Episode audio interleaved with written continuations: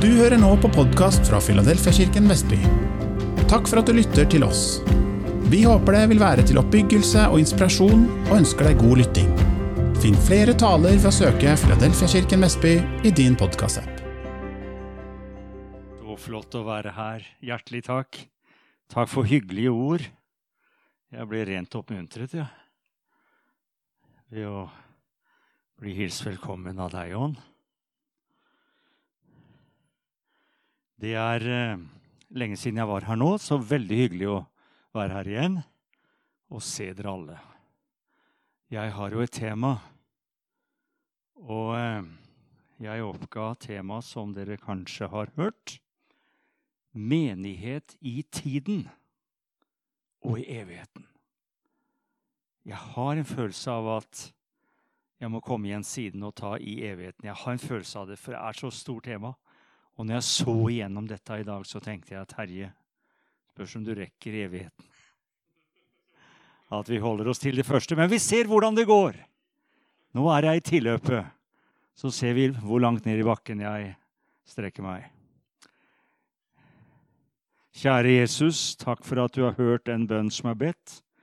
Og vi har sunget og prist deg for Jesu blod. Takk at vi er renset i blodet, og du fyller oss med Den hellige ånd og lar oss se inn i Skriftene. Vi priser deg i Jesu navn. Amen.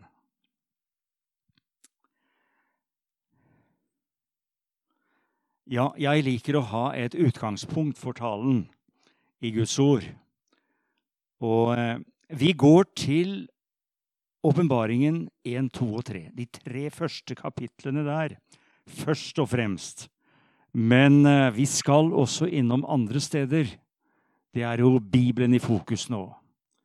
Og så er det jo sånn, da Det er med meg i kveld som det står i Nehemia 8,8. Der står det nemlig Jeg bare nevner det. Og de leste opp stykke for stykke av boken, altså Guds ord, av Guds lov, og de tolket den så folket skjønte det som ble lest. Det må jo være enhver predikants drøm at folk skjønner etter at vi tolker Guds ord, for alle tolker. Jeg tolker. Vi legger ut ordet, da tolker vi. I min preken, når jeg ikke tolker, det er akkurat da jeg leser autentisk fra hva som står skrevet. Da tolker vi ikke. Det er det absolutte Guds ord. Men så fort jeg begynner å preke, så tolker jeg.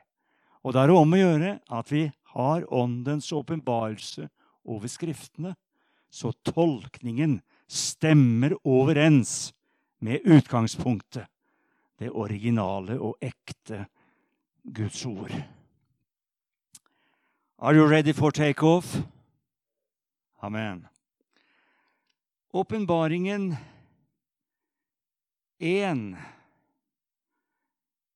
1. Jesu Kristi åpenbaring, som Gud gav ham, for at han skulle vise sine tjenere det som må skje i hast. Han sendte bud ved sin engel og kunngjorde det i tegn for sin tjener Johannes, som har vitnet om Guds ord og Jesu Kristi vitnesbyrd, alt det han så. Salig er den som leser, og de som hører det profetiske ord, og holder fast på det som der står skrevet, for tiden er nær. Amen. Legg merke til hvordan Johannes begynner denne boken. Boken heter Johannes' åpenbaring. Men se hvilket navn som er nevnt i forbindelse med åpenbaringen. Jesu Kristi åpenbaring. Han var Vår Herres sekretær. Han var den visjonære. Men det er Jesus som åpenbarer seg for Johannes. Den eneste av de tolv apostlene som døde en normal død. Tenk på det. Og Han var gammel, han var langt opp i 90-årene, trolig. Og legg merke til hva som står i vers 3. Og jeg sier det fordi det er en del som har innbilt seg at nei, Johannes' åpenbaring er så vanskelig bok, så eh, man nesten leser ikke den engang. Minner om Daniels bok. Og, ja, det gjør den.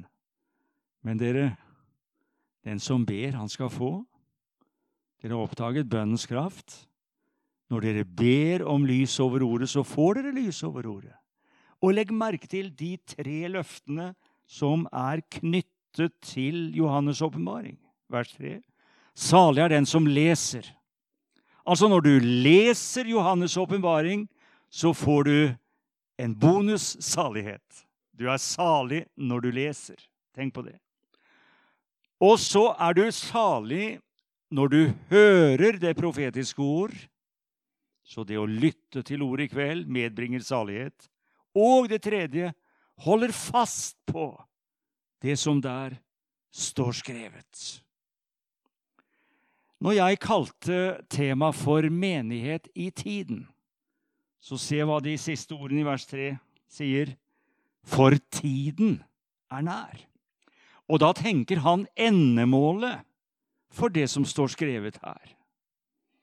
Og han tenker tiden er nær for disse visjonene, disse synene, disse åpenbaringene han har. Men tiden, hva er tid? Når jeg sier om dette temaet og kaller det menighet i tiden, så tenker jeg på menigheten i de tre første kapitlene av åpenbaringen. For etter min oppfatning er menigheten på jorda i de tre kapitlene. Det er sånn jeg ser det. Fra kapittel fire er menigheten rykket opp og er i evigheten. Du finner ikke menigheten etter kapittel fire på jorda. Da er vi kommet fram. Men du finner den i tiden. Og tiden er de tre første kapitlene. Syvtallet er Vi kaller det fullkommenhetens tall. Det er Guds tall. Syv. Det er noe spesielt med syv. Og han får beskjed om å skrive det han ser, til de syv eller sju Nå er det lov å si syv igjen. Det er til og med lov å skrive syv igjen nå. Er ikke det bra? Jeg er litt eh, konservativ i språket, så jeg jubler over det. De syv menighetene i Lille-Asia. Og jeg ser for meg at disse menighetene det er, det er, min tolkning. Noen har en sånn eh, linjetolkning om at det er tidsaspektet fra han ser disse synene, inntil opprykkelsen og delt inn i syv forskjellige soner. At nå er vi i Laudikea-tiden. skjønner du? Det er en del som tolker det sånn, og det er mulig det er riktig. Jeg tenker mer at i de tre kapitlene kan vi være til enhver tid. Vi finner noe igjen i alle disse menighetene i tiden. Og har for så vidt alltid gjort det. Det kan ha vært som tidevannet, tidevannet. Det har kommet og gått. Det har vært tider hvor det har vært mest lik Laudikea, mest lik Tyatira, Pergamum, Philadelphia osv. Men jeg tror også i dag finner du noe av alt dette i tiden, og som menigheten kan bli påvirket av negativt. Og Derfor er det om å gjøre at vi holder oss nær Jesus, ikke minst i vår tid. Og Derfor var det veldig viktig for Johannes å legg merke til hvor Jesus-fokusert han er. Det første kapittelet det er jo overveldende. Han får å se Jesus-skikkelsen så mektig. Han forsøker å beskrive ham, og han eh, forteller at han er der ute på øen Patmos for Guds ords og Jesu vitnesbyrds skyld, vers 9. Og så er han bortrykket i ånden. Tenk for en opplevelse. Han hører bak seg en veldig røst, vers 10, som en basun. Og så får han beskjed om å skrive dette i en bok og sende det til de sju menighetene, til Efesus, Myrna, Pergamum, Tyatira, Sardes, Philadelphia og Laudikea.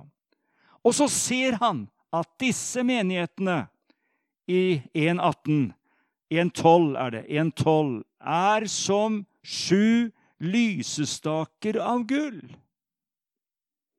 Altså, en menighet er en gullysestake. Gullet er et bilde på rettferdighet. Vi er rene i Jesu blod. Og hver menighet er en gullysestake. Han ser altså sju stykker, og så ser han én. Se på vers 13 som beveger seg imellom disse lysestakene. For de lokale menigheter utgjør menigheten i bestemt form entall. For når alt kommer til alt, så har jo Gud én menighet. Eller Jesus har én menighet, ikke sant? Som eh, nå mer er oversatt med, med kirken, da. Eller da er det menigheten. Mens menighetene her, det er de lokale forsamlingene. Og man kan tenke seg at den store Jesu menighet Tenk på når eh, Paulus i Efeserne 5 Vi leser fra det avsnittet når vi vier folk, ikke sant? Jeg tenker hermed på Kristus og menigheten. Hvilke bilder bruker han? Brudgommen og bruden. Ja, flott. Og vi ser her at det er snakk om han som vandrer mellom lysestakene. Og denne mektige Jesus, når Johannes får se ham, så faller han som en død. 1,17. Men han får høre Frykt ikke, jeg er den første og den siste. Jeg var død. Jeg er den levende. Og se, 'Jeg er den levende', eller 'jeg er levende i all evighet'. For meg er det et sterkere ord enn å si det vanlige presens 'jeg lever i all evighet'. Partisippformen forsterker det eksisterende i det å leve. Jeg er levende. Er ikke det sterkere måte å uttrykke det på enn å si at 'jeg lever'? Om du skjønner meg. Det er å løfte uttrykket på et litt høyere nivå. Og denne levende Kristus som var død Han har nøklene til døden og dødsriket.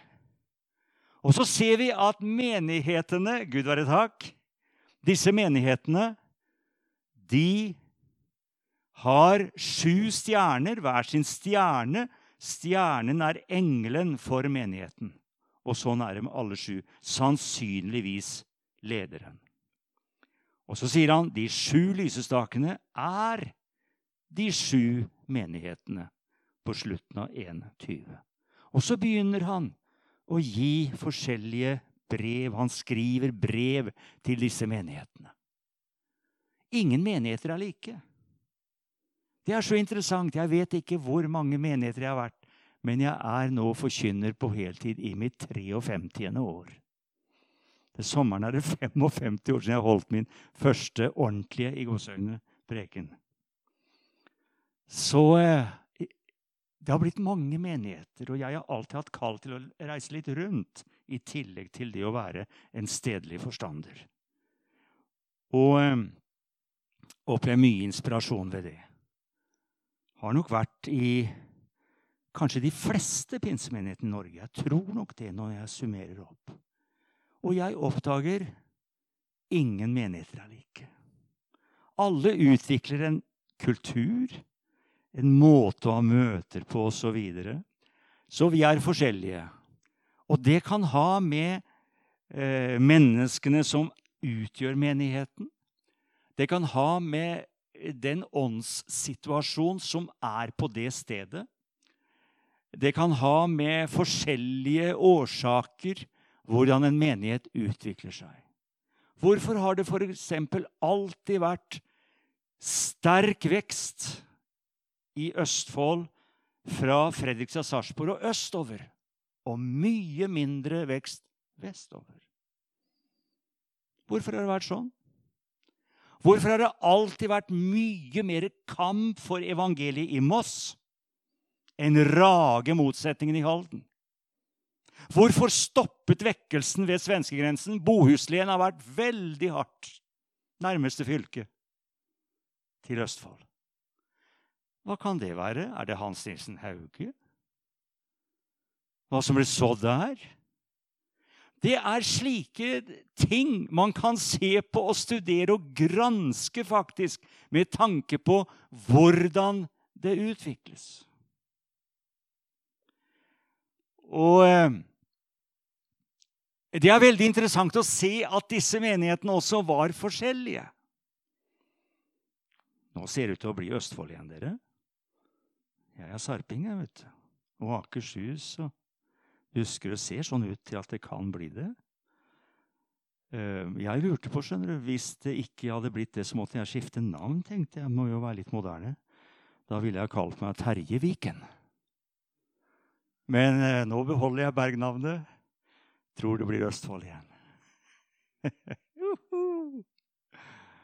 Ålreit.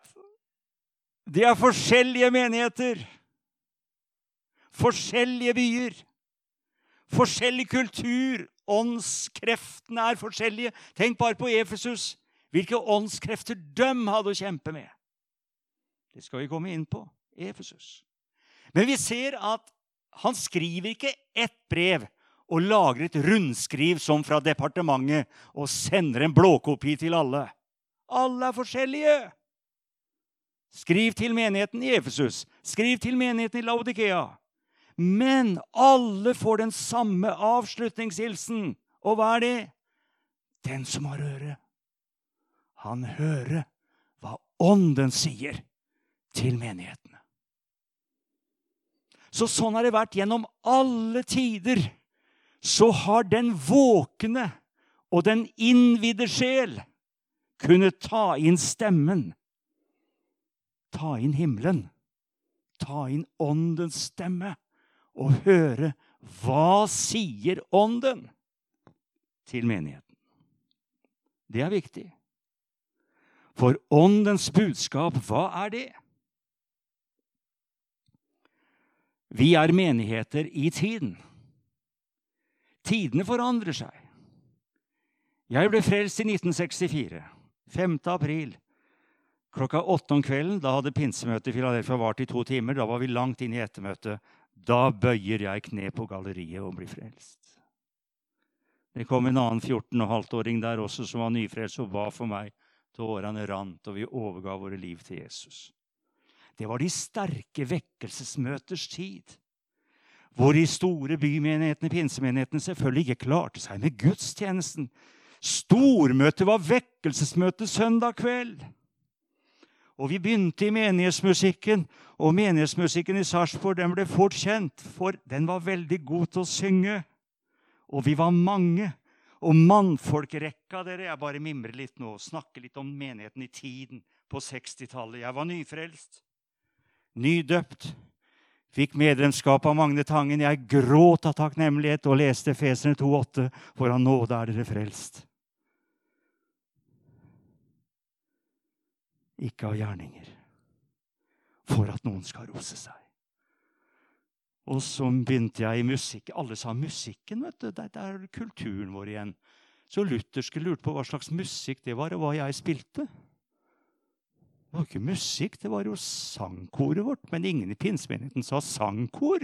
Det hadde vi i Metodistkirken. Og i Frikirken. Vi hadde musikken, vi. Men det var virkelig musikk òg, altså. Det var det. Det var mye musikk, det var ikke bare piano. Og mannfolkrekka var 20 stykker, for menighetsmusikken var over 50 stykker. Tenk deg når de reiste seg søndag kveld, presis, og begynner å synge. Du hørte jo vekkelsesbruset med en gang. Og den mannfolkerekka den besto i hvert fall av ti 20-åringer. Og jeg var en av dem.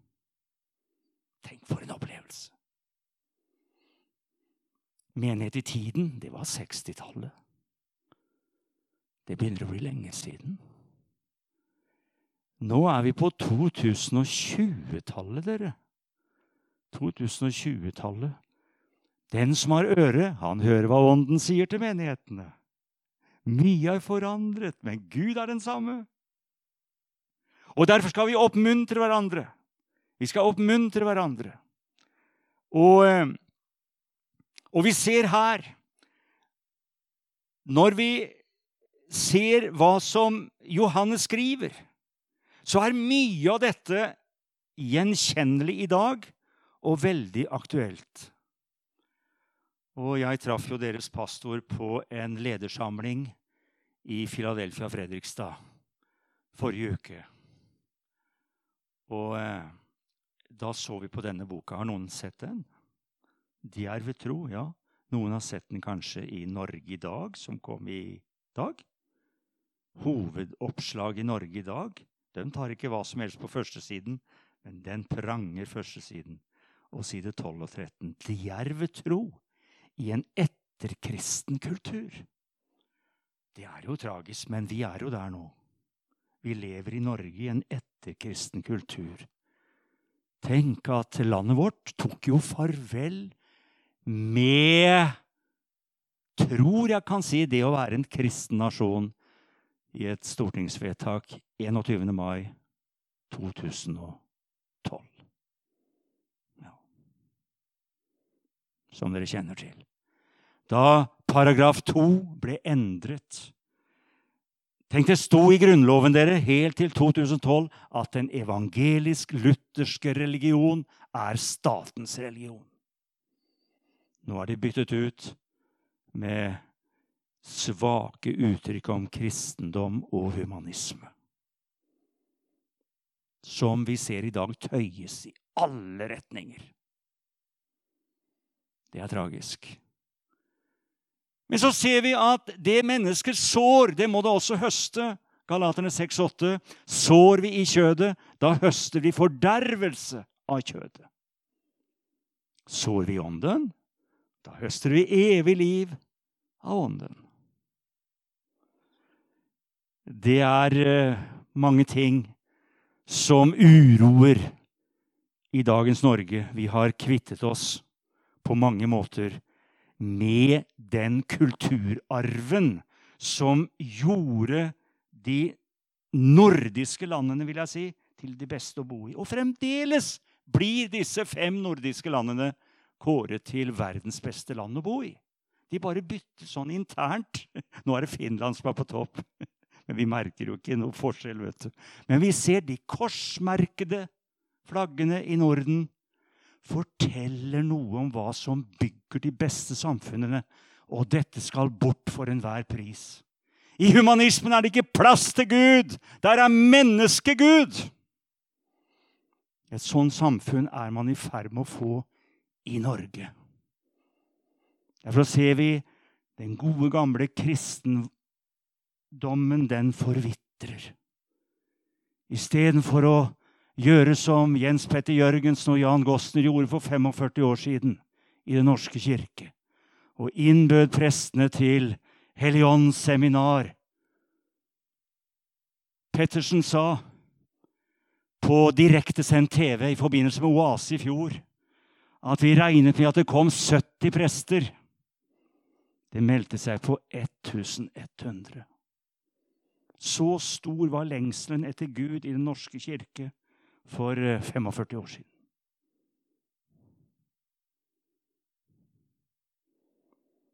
I dag tar man inn fra hinduismen for å inspirere mennesker. Og legger seg ned på matter i Den norske kirkes gudstjenester. Oslo, Bergen og Trondheim. Det er et voldsomt forfall. Det er til å gråte av. Og vi kjenner Det står i 2. Tessalonikerne 2,3. Først må frafallet komme. Først før da. Før Antikrist står frem, som vi skjønner nede i vers 7 og 8.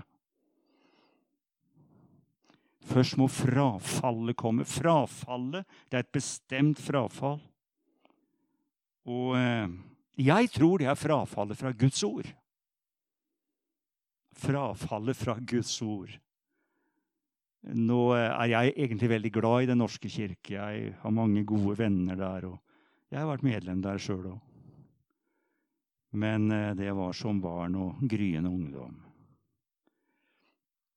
Så vi må be for Kirken, og jeg ser han Jo Hedberg. Han står stadig frem og inspirerer oss til å be for Den norske kirke, og det skal vi gjøre. Mange fine mennesker der. Men det er viktig at lederskapet setter kursen. Å, om de tidene kom tilbake, dere. Og dette førte jo den gangen til Dypere liv-konferanser. De eldre her husker det. Etablering av oase osv. Men man hadde nok større visjoner for at dette skulle influere Kirken innover. Det motsatte har vel på mange måter vært tilfellet. Og vi ser hvordan eh, tidsånden er så sterk og så krevende i dag at man blir nesten tørr i munnen hvis man tar fram sentrale bibelske sannheter. Tidsånden. Du merker det. Du stanger hodet i en usynlig murvegg. Og den har blitt mye skjerpet bare de siste ti årene. Det kjenner den som er våken og sensitiv i ånden, kjenner det. Og jeg tenker på dette med å være våken og sensitiv og kjenne, kjenne tiden. Husker du første krønikebok 1232? Der står om Isakars stamme. Det er ikke mye vi kan si om Isakar. Men eh, det står om denne stammen at der fremsto det menn. Og disse mennene forsto seg på tidene. Og det er viktig å forstå seg på tiden. Første krønikebok 1232. Og da visste de hva Israel hadde å gjøre.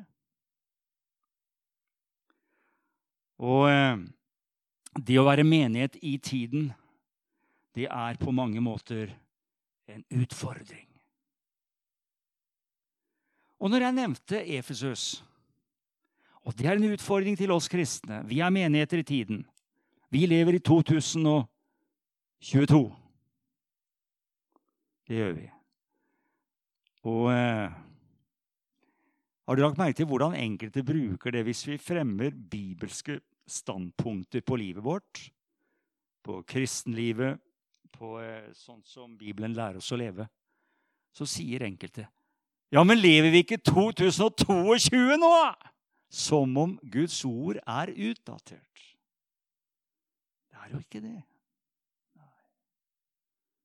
Det er jo ikke det. Guds ord går aldri ut på dato. Guds ord skal fullføres. Og vi, og vi vet at Efesus er jo en av disse menighetene som fikk brev fra Johannes. Men det er jo Efeserbrev nummer to. Og det er interessant det med Efesus. Og når du leser om hvordan denne menigheten den gangen ble til, så skjønner vi der i apostelgjerningene 18 at ut ifra en gryende virksomhet på slutten av kapittelet, så var det noen som måtte ha blitt frelst. Og det var nok noen redskaper der. Det ser ut til at her er nevnt Priscilla og Akvilas. Her er nevnt Apollos. Og vi ser at det er, det er noe som skjer. Men så kommer Paulus i kapittel 19, fra vers 1. Så kommer Paulus til Efesus, denne veldige byen som ligger der, eh, like ved havet der. Det er en eh, sjøfartsby, det er en kystby, like stor som dagens Bergen, trolig. Kvart million innbyggere. Og der var det jo veldig mye kultur. De hadde et enormt teater der. Og det teatret det leser vi om et godt stykke nede i kapittelet, i vers 29. Der står det at hele byen kom i opprør. Det hadde med Paulus å gjøre. Og alle sammen stormet av sted til teatret. Vet du at Jeg har lest at det teatret var like stort som Ullevål stadion. Og rommet 25 000 mennesker, og det var overbygd. skal si, kulturen var kommet langt i Efesus. Det var helt fantastisk. Og det blir opprør i byen. Men når Paulus kommer inn til denne byen, så går han rett på noen av de nyfrelste. Tolv stykker. Omtrent tolv. Rart uttrykk. Kunne vi ikke telle til tolv engang? Omtrent tolv. Men når han møter de tolv Hva som skjer før spørsmålet, vet jeg ikke. Men da stiller Paulus et spørsmål. Der i apostelgjerne 19. Fikk dere Den hellige ånd da dere kom til troen? Den hellige ånd, sier disse tolv. Hva er det for noe? Aldri hørt om Den hellige ånd, vi. Tenk på det. De kunne i hvert fall ikke være pinsevenner. Aldri hørt om Den hellige ånd! Det der minner meg om noe jeg opplevde. Jeg var ny evangelist 1970 på Fredsbudet. De eldre her husker Fredsbudet. Og Vi seilte opp i Sogn og Fjordane og kommer inn til et lite sted. Jeg var forlova med Inger Ane. Vi var ikke forlova ennå, men eh, jeg var veldig forelska, så vi skrev noen brever.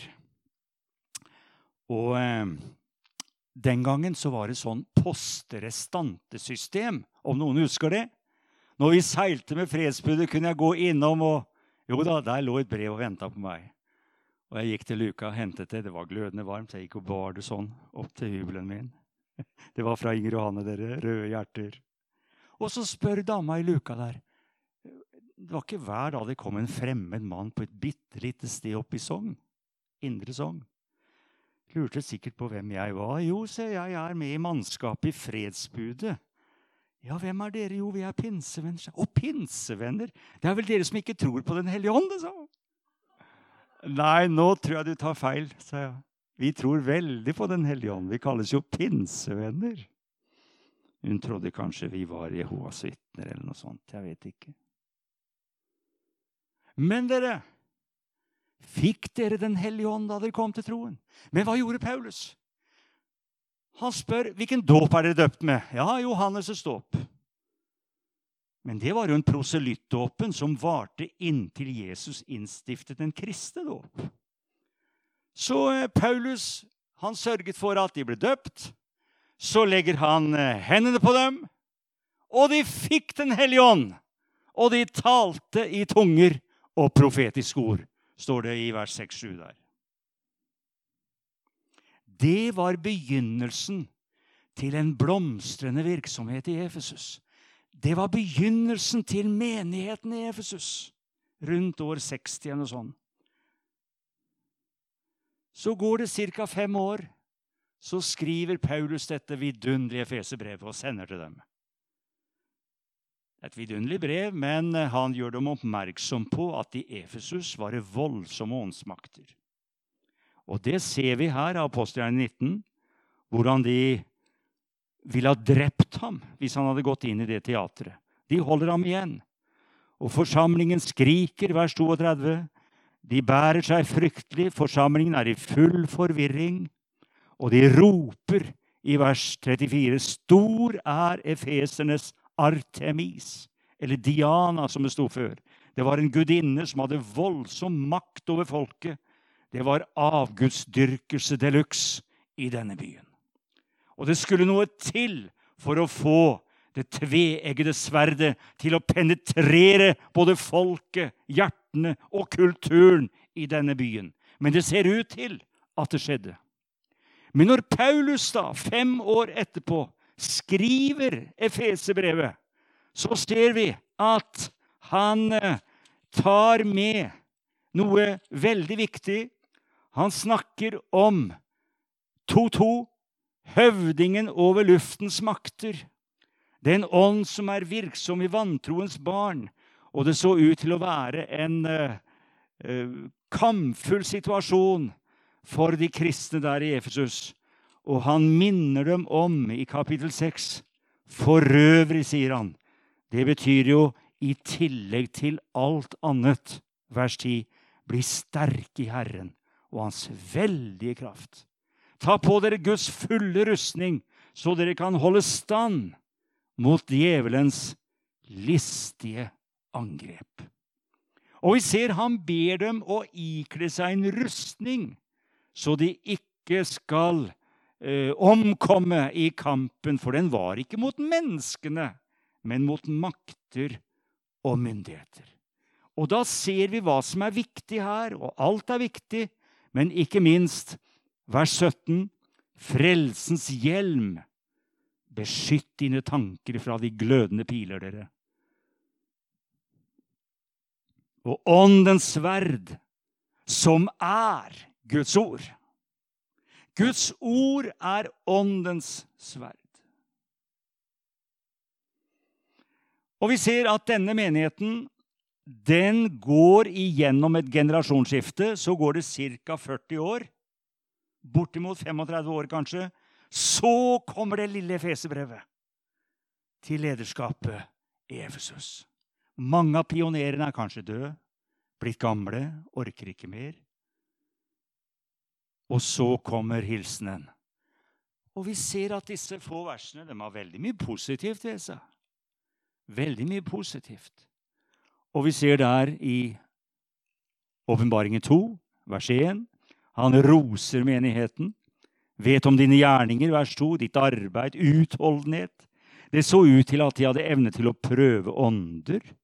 De hadde tålmodighet, hadde hatt mye å bære for eh, Jesu navns skyld.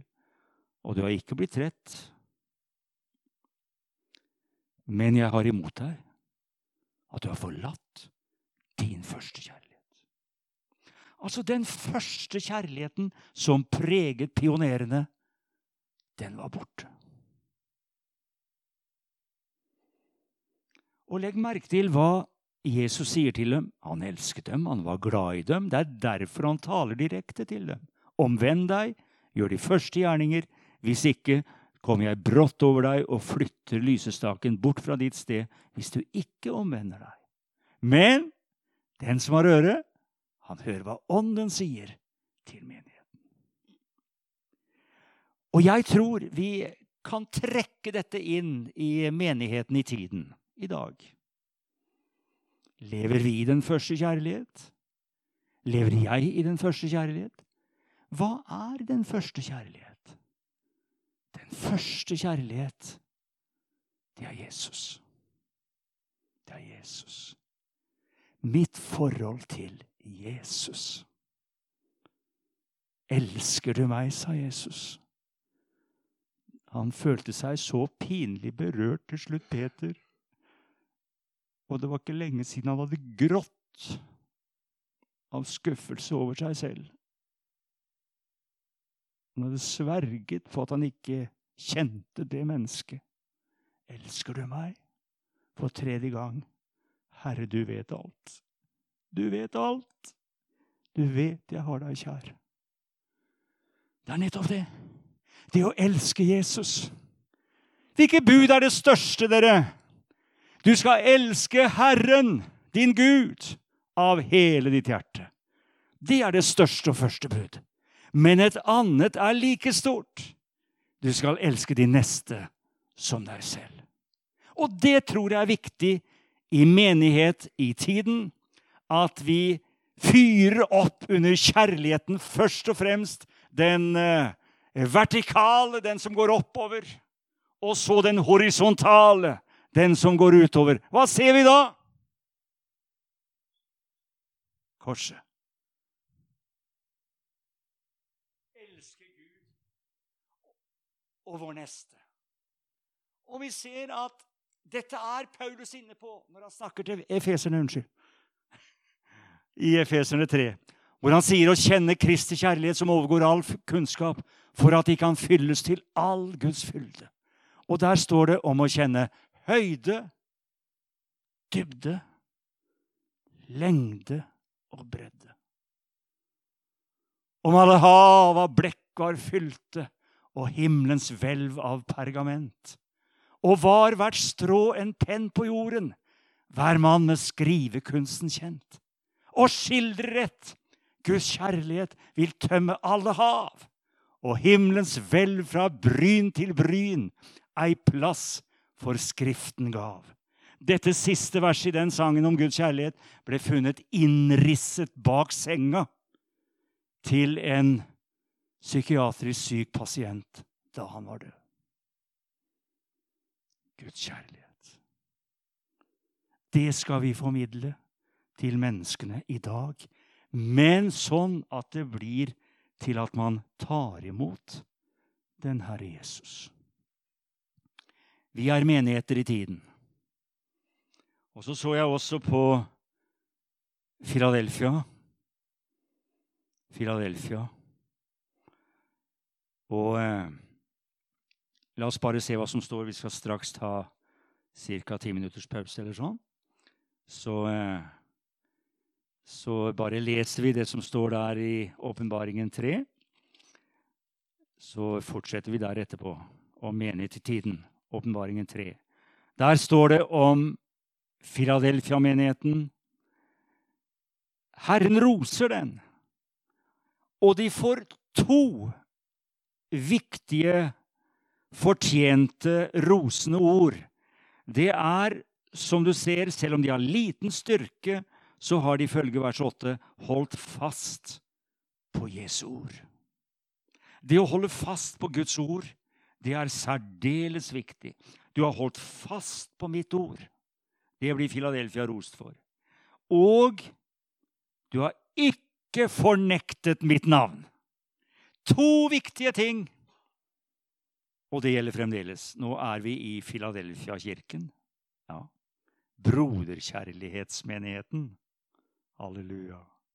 Jeg tror dere er en sånn menighet som holder fast på Guds ord og elsker navnet Jesus. Jeg tror det. Amen. Jeg ser det på dere. Navnet Jesus må jeg elske. De har satt min sjel i brann.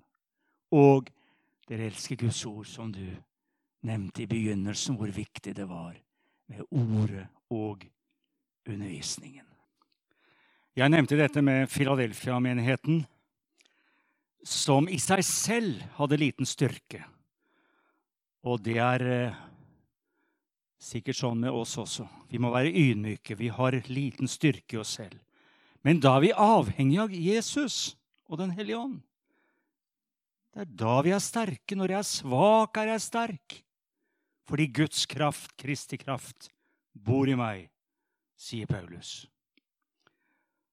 Og eh, vi er menigheter i tiden, og det som er, som jeg nevnte, litt alvorlig, ikke bare litt, men veldig, det er at vi lever i en etterkristen kultur. Den boka her er helt fersk, fra Hermon forlag.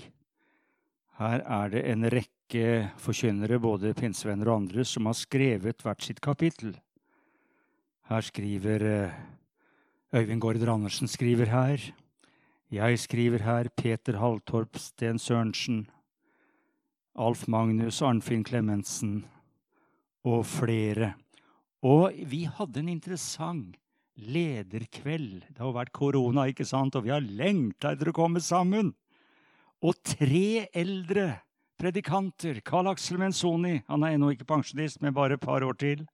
Leif Jacobsen, han har jo vært pinseforstander òg, men tilhører for tiden Metodistkirken.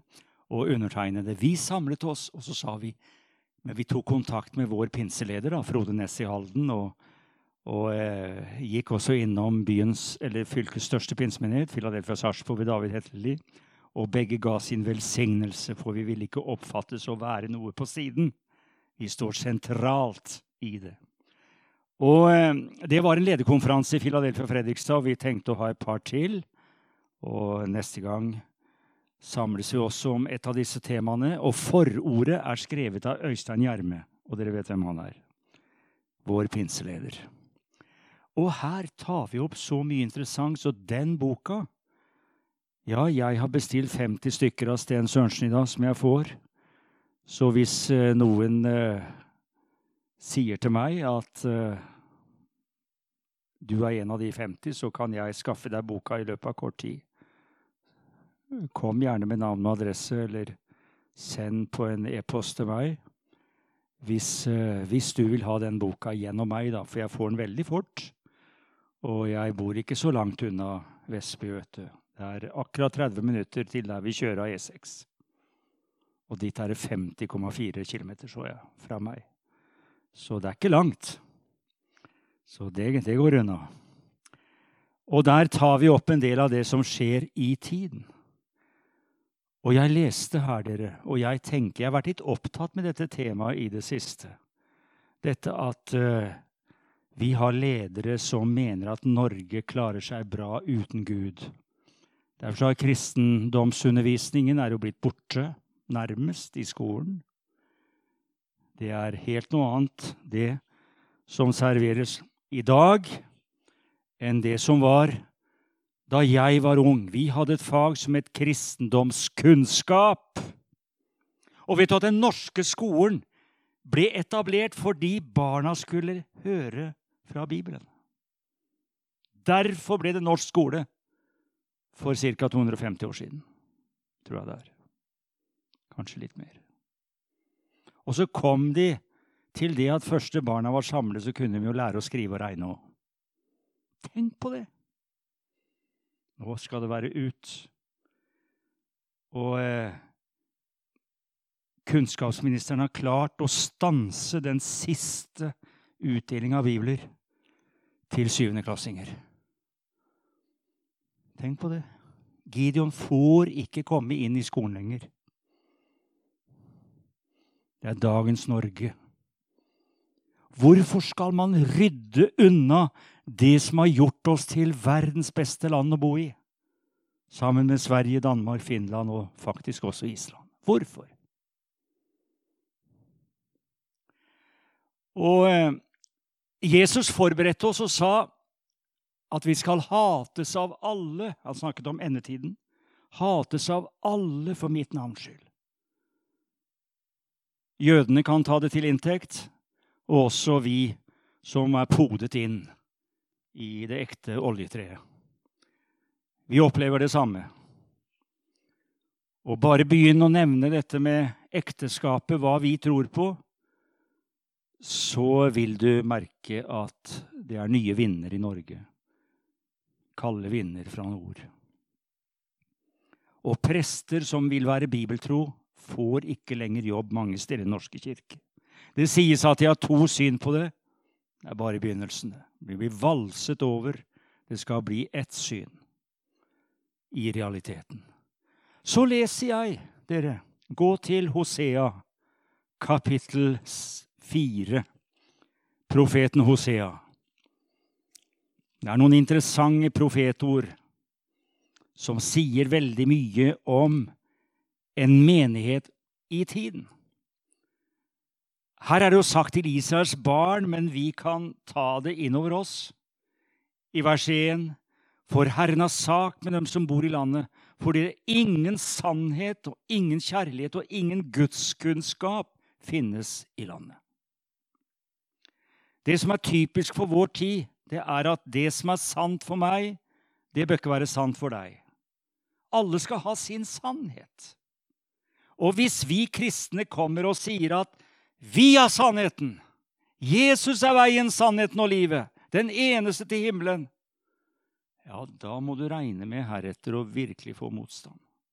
For sannheten er ikke bastant i manges øyne, den er flytende. Men uh, det er ikke tilfellet. Og vi ser her i vers 1 når sannheten, kjærligheten og gudskunnskapen ikke lenger finnes i landet. Da skjer det som står i vers 2. Da sverger man og lyver, myrder og stjeler og bryter ekteskapet, farer fram med vold. Se på vers 6. Mitt folk går til grunne fordi det ikke har kunnskap.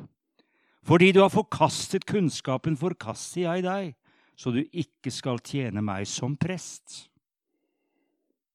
Dagens prester, vi som går foran, uansett hvilken kirke vi er i, vi må være ydmyke og si, 'Herre, gi oss åndens åpenbaring over Skriftene.' Gi oss mot til å holde fast ved ditt ord. Gi oss mot til å elske deg. Ta vare på ditt ord og elske og ære ditt navn. Og jeg tenker dere på Jesus, står om han i Lukas 8,37. Der står det om gergasenerne. Husker dere det underet han gjorde? Han satte jo en besatt mann fri, som holdt til ved gravene. Et forferdelig liv. Og så ble mannen satt fri og løst. Men hva gjorde folket med Jesus? Lukas 8, 37. De ba da Jesus dra bort fra dem. Legg merke til den setningen. Det er det mange gjør i dag. De ber Jesus å dra bort. Men det er det verste man kan gjøre. Ja. Da sender man velsignelsen og det gode liv på dør. For det vi sår, det må vi høste. Og jeg tenker på et vers til. Jeg kjenner virkelig Gud har talt meg om noe her, altså. Og hvis dere ser i Jesaja 59 Jesaja 59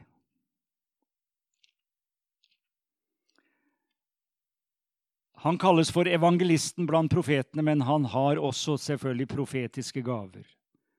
Det går hånd i hånd. Se vers 13. Vi er falt fra Herren. Vi har fornektet ham.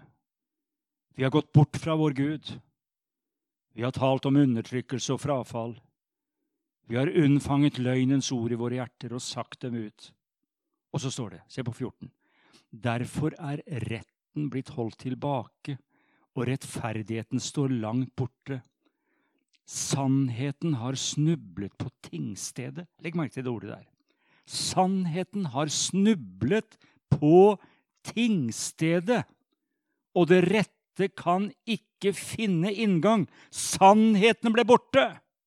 Den som holdt seg fra det onde, ble plyndret. Herren så det og det var ondt i hans øyne at det ikke var noen rett. Den setningen sank ned i meg for noen år siden, og den har dukket opp igjen. Sannheten har snublet på tingstedet. Et tingsted må forvalte sannheten. Og vi ser hvordan enkelte saker de siste årene kommer opp igjen fordi det er mistanke om at det var ikke rette dommer. Sannheten snubla. Og vi kan nevne flere saker der. Men tiden strekker ikke til. Men når sannheten snubler på tingstedet, da finner det rette ikke inngang. Sannheten blir borte. Og vi har flere tingsteder. Og vårt viktigste tingsted det er det største tinget, og det heter Stortinget. Hvis sannheten snubler på Stortinget, det er alvorlig. Og det har sannheten gjort de siste åra. Derfor ser vi hva Stortinget høster. Ja, etter at Norge frasa seg den luthersk-evangeliske religion som landets statsreligion, så har det vært veldig mye trøbbel i og på Stortinget. Tenk på garasjeanlegget. Kjempestor skandale i milliardklassen. Tenk på eh, president Olemic Thommessen. Tenk på hun presidenten som måtte gå i høst. Skandale ved reiseregninger, overnattinger Det ene etter det andre som gjør at tilliten har sunket i folket.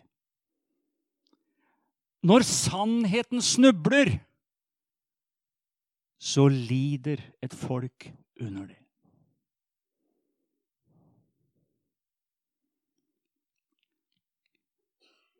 Det er litt spesielle tanker, kanskje, men jeg følte Gud la noe på hjertet mitt her. Og vi ser at folket blir tøylesløst når eh, Åpenbaringen blir borte. Åpenbaringen over Skriftene. Men vi skal ha tro for at Gud kan vende mennesker fra avgudsdyrkelse til å tjene ham. Jeg ser på det som Paulus sier til menigheten i Tessalonika. I det første kapittel i det første brevet, der står det i vers 8 for fra dere har Herrens ord fått lyde ut. Første Tessalonikerne 1,8.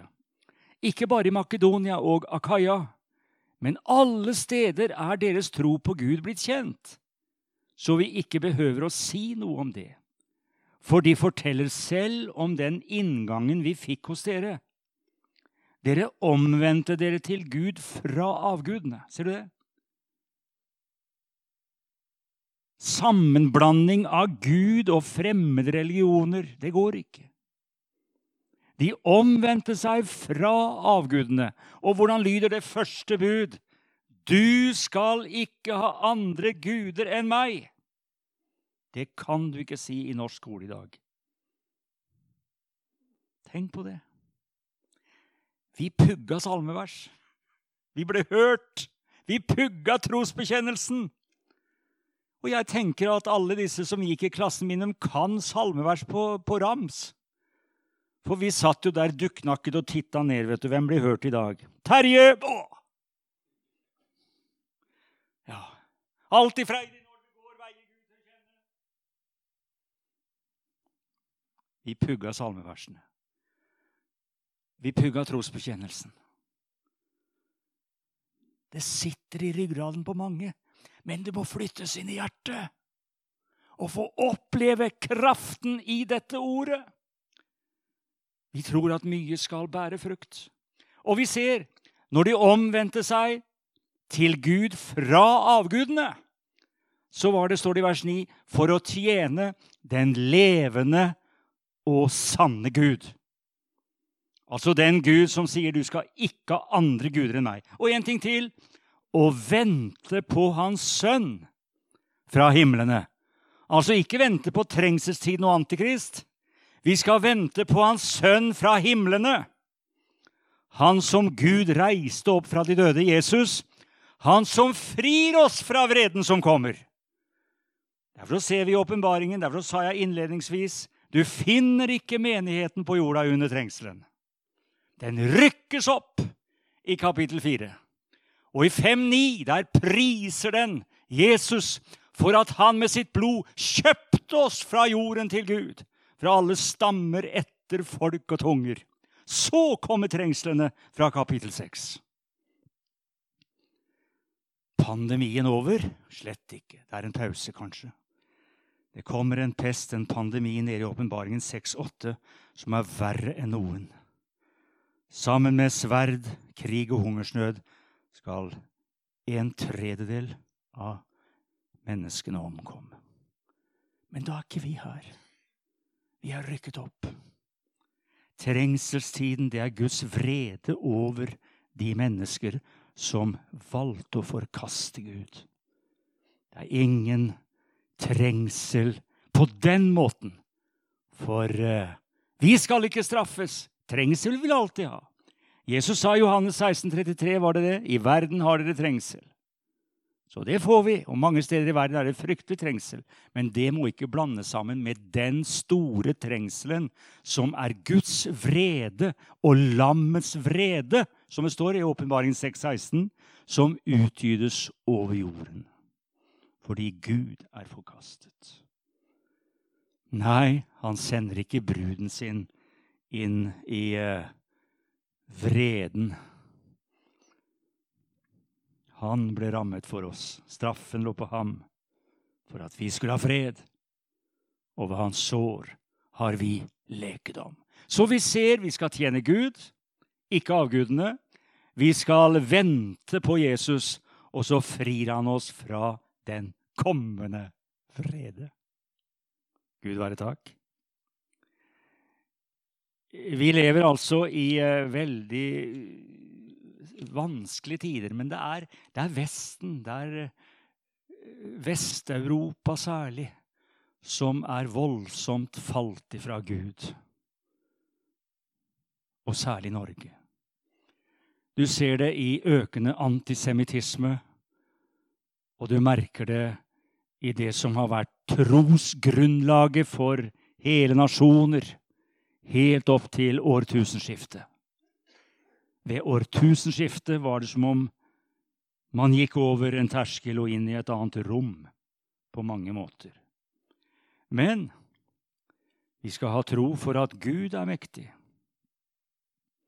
Og vi ser i dag Og det er ikke så greit. Jeg tenker på ungdommen som vokser opp i Norge i dag. Det er ikke så greit som det var når vi, mange av oss som er oppe i årene, var unge. Nå er det jo det som kalles generasjon Z. Ikke sant?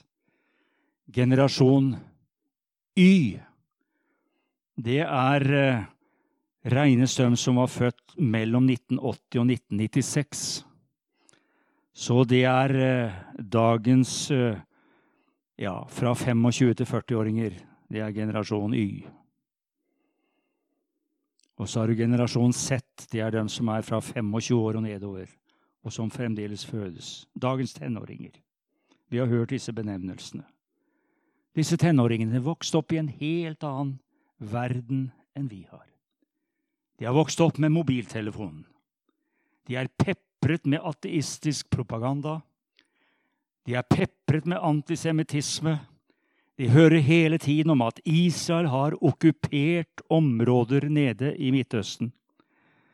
De har hørt om og fulgt med på metoo-fenomenet. De har hørt om læren om LGBTQ pluss på skolen. De har ikke kristendomskunnskap, går ikke på søndagsskole, har KRLE-faget. Har hørt om diskusjoner der det er forslag på legalisering av narkotika. De har vokst opp med at fremmede kulturer og religioner skal være like viktige som kristendommen. De lider under av mangel på kraftfull bibelsk vekkelsesforkynnelse. Generasjon Y er, har vært med å forme generasjon Z, dagens ungdommer.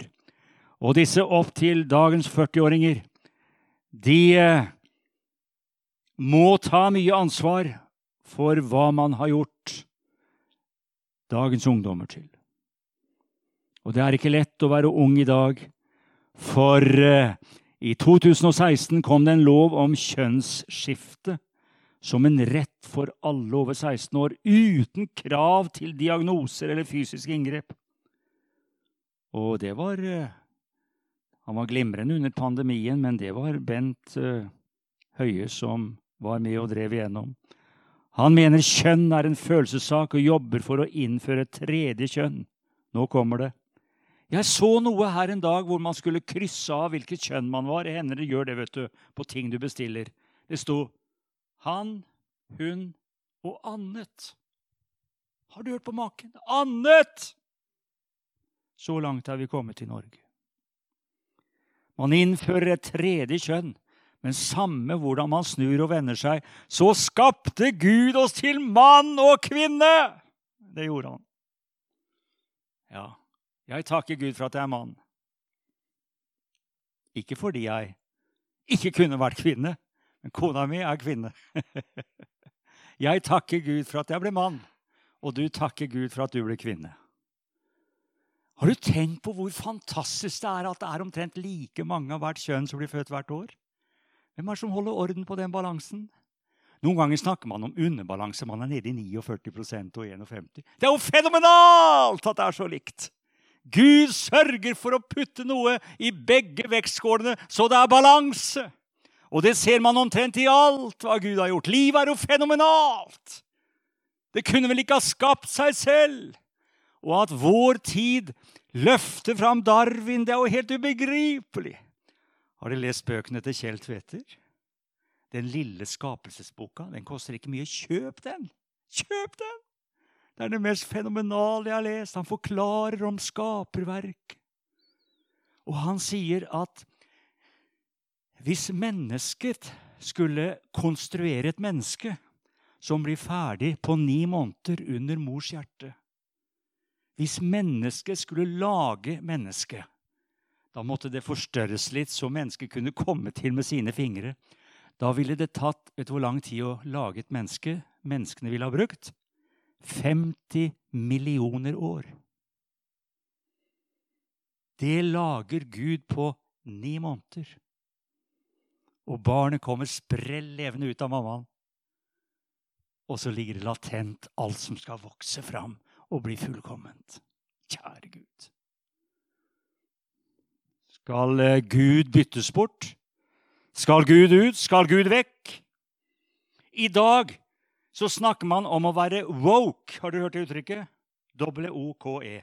Å være woke det er en benevnelse for å være politisk korrekt, mene det de fleste mener. Og hvis du ikke mener det de fleste mener, på flere steder kan du oppleve at du blir anmeldt til sjefen. Du kan bli fjernet fra jobben, i hvert fall bli en kamp. Og vi har sett i fjor så vi hvordan statuer ble knust. Man ville jo ha bort Churchill og alt dette her, ikke sant? Fordi han kanskje sa noe som ikke var helt sånn som det burde være. Velt ham! Vekk med han! Over ende med ham! Det er jo galskap. Ja, det er jo galskap. Og vi ser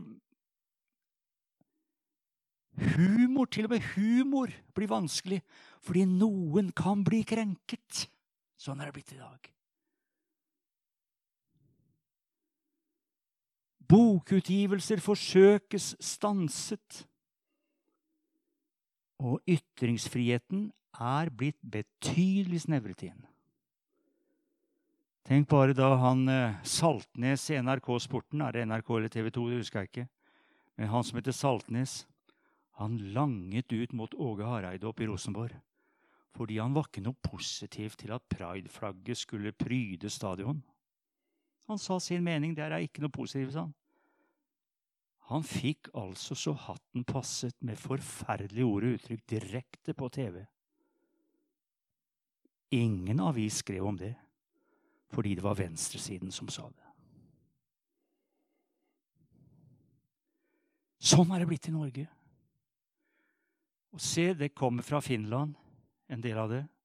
Rettssaken mot Resenden, følger dere med på det? Ja. Rettssaken mot Resenden, tidligere statsråd i Finland, lege, ga ut en liten pamflett om å leve rett etter Bibelen ifølge Romerne 1. Leste fra Bibelen, fikk med en prest. Det var en rettssak som eh, halve verden følger med på. Hun kan bli dømt til flere år i fengsel, for hun leste fra Bibelen. Vet dere at dette jobber kunnskapsministeren i Norge med nå? Kan være ferdig neste sommer. Hvorfor, spør jeg meg. Hvorfor? Vi er menigheter i tiden. Hvordan skal vi møte alt dette? Ja, vi skal elske mennesker. Vi skal elske mennesker. Vi skal til og med elske våre fiender. Vi skal be for dem som forfølger oss. Vi skal formidle Guds kjærlighet. Alle mennesker skal få se at vi er milde, gode, hensynsfulle, men vi er radikale på Guds ord. Vi må være radikale på Guds ord, tydelige på hva sier Skriften. Den som har øre, han hører hva Ånden sier til menigheten. Og dere, er ikke det godt at det finnes et fellesskap, og det skal vi overbevise mennesker om. Det finnes, finnes et unikt fellesskap som heter menigheten. Her kan alle omforenes og kjenne trygghet, kjærlighet, omsorg, godhet. Og vet dere at de siste ti årene har det vært en sterk økning i dette å kjenne seg ensom som menneske. Men i en menighet må vi sørge for at ingen føler seg ensomme. Menigheten har en ubrutt tradisjon og har vært ryggraden i det vestlige sivilisasjon. Anker og sannheten. Menigheten er stedet for helbredelse og utfrielse. Det å bli elsket og verdsatt. Nettopp for en tid som denne. Husker du dronning Ester? Ester 4,14. Nettopp som for en tid som denne er du kommet til dronningverdighet. La oss se den verdigheten vi har som Kristi brud. Vi er kongelige. Vi er hans dronning. La oss se hvilken tid vi lever i. Og Gud, han er mektig til å eh, bruke sin menighet til å være den som skal forvalte sannheten, men vi gjør det på en klok måte. Vi gjør det på en klok måte. Underlig det jeg opplever i Sarpsborg. Jeg er jo sarping. Det er jeg litt stolt av. Inger Johan er fra Fredrikstad. Så egentlig skulle det blitt et litt vanskelig ekteskap, men det har gått veldig bra. Fredrikstad og Sarpsborg går ikke godt sammen, vet du. Men eh, vi har klart det, ved Guds hjelp. Til høsten er hun eh, gullbrud. Så åra går for oss òg. Jo da, når jeg sluttet som forstander i Filadelfia Sarpsborg Jeg er vant til å si forstander, jeg vet. Nå, nå er jo alle pastorer det er greit, det. Men da jeg var ung, så var det bare én pastor i pinsebevegelsen, og han var død. Var pastor Barat. Alle andre var forstandere. Men nå er alle pastorer, og det er greit. Men jeg slutta som pastor i Philadelphia i 2003. Det var helt forunderlig. Da, like før, da, i 2001. Og jeg skjønte at nå har jeg stått så lenge, så det kan være greit at det blir litt friskt og nytt blod her. Og vi hadde en rik tid. Philadelphia Sarpsborg, den rikeste tiden jeg har hatt i mitt liv. På de 14 åra la vi til 450 nye medlemmer. Og vi måtte bygge Philadelphia-kirken. Eller kjøpe den av Televerket og gjøre om og få til vårt nydelige gudshus i dag. Men jeg kjente jeg burde avløses. Og når da jeg ikke lenger var pastor i Philadelphia, eller like før, så får jeg en oppringning av redaktøren i Sarpsborg Arbeiderblad. Du, Terje, kan du begynne å skrive lørdagsartikler? Helgebetraktninger? Kristelige betraktninger? Ja, så er gjerne det. Men eh, det er vel flere av oss. Du vil vel ha predikantringen? Nei, nå har jeg prøvd det i et par år siden. Det, det nytter jo ikke med disse pastorene her i byen. Én glemmer seg bort, og plutselig har jeg ikke noe. Og én drar til Syden uten å si ifra. Så eh, jeg vil ha én som jeg kan stole på. Kan du skrive hver lørdag? Du skal få 800 ord. Det er mye, det. Det er eh, mer enn én side. Side 8 og 9 får litt på hver side. Hver lørdag. Jeg skriver ennå. Det har gått 20 år. Skrevet 1000 artikler. Alle i Sarpsborg vet at på lørdag kommer Terje med en ny betraktning. Og jeg er veldig frimodig om Jesus og kristentro og får skrive. Det er et mirakel. Det er ingen predikant som får sånn tilgang i en norsk avis som ikke er kristen en profan avis, og det er arbeiderblad. Det er fantastisk. Nå på lørdag på, på, lørdag er det 70 år siden Knut Hamsun døde. 19.2.1952. Jeg oppdaga det. Oi, tenkte jeg! Her har jeg artikkelen! Og jeg leser raskt igjennom hans siste bok på heter den igjen? På gjengrodde stier. Takk. Jeg leser raskt igjennom på gjengrodde sider og ser at mannen, han var jo så søkende. Og jeg finner mye stoff om at han hadde en tro på Gud. Han skriver til dattera Bergljot Bergljot, du må overgi deg til Jesus. Du må legge problemene dine frem for Jesus i Den hellige ånd, så han kan løse og hjelpe deg. Jeg henter fram sånn og skriver at det er sørgelig at denne forfatteren, kanskje Norges fremste, er helt underlagt tåka fra nazismen. Det gjør at det er nesten ingen gater i Norge som er oppkalt etter han. Overalt har du Bjørnsons gate, du har Ibsens gate, Hamsuns vei. Jeg fant Hamsuns vei på Raufoss. Og baptistkirken der har adresse Hamsuns vei. Lurer på om du har følt litt på det. jeg vet ikke. Men der skriver jeg der. Den kommer på lørdag. Prøv å google deg inn på sa.no på lørdag. Kanskje du finner den. Sånn får Sarpsborgs befolkning. Når det ikke var lenger Philadelphia, så talte jeg ikke lenger til de medlemmene i menigheten, men til hele byen. Det jo fantastisk. Og grunnen til at jeg får skrive sånn år etter år, det tror jeg er fordi at jeg står på begge bena. Jeg står ikke bare på det kristne benet, men jeg tar med det kulturelle benet òg. Og jeg bruker mye litteratur. Hvis dere ser i Korsets seier, så har jeg fått en spalte. Jeg har spurt om det da, en gang i måneden. Og det er hyggelig at en gammel hvithåra pinsepredikant blir kalt kulturpastor. Jeg er litt stolt av det. Woho! Det takker jeg Gud for. Og dermed så står jeg på to ben og kan bruke litteraturen til å nå mennesker. Ja, det er jo fantastisk.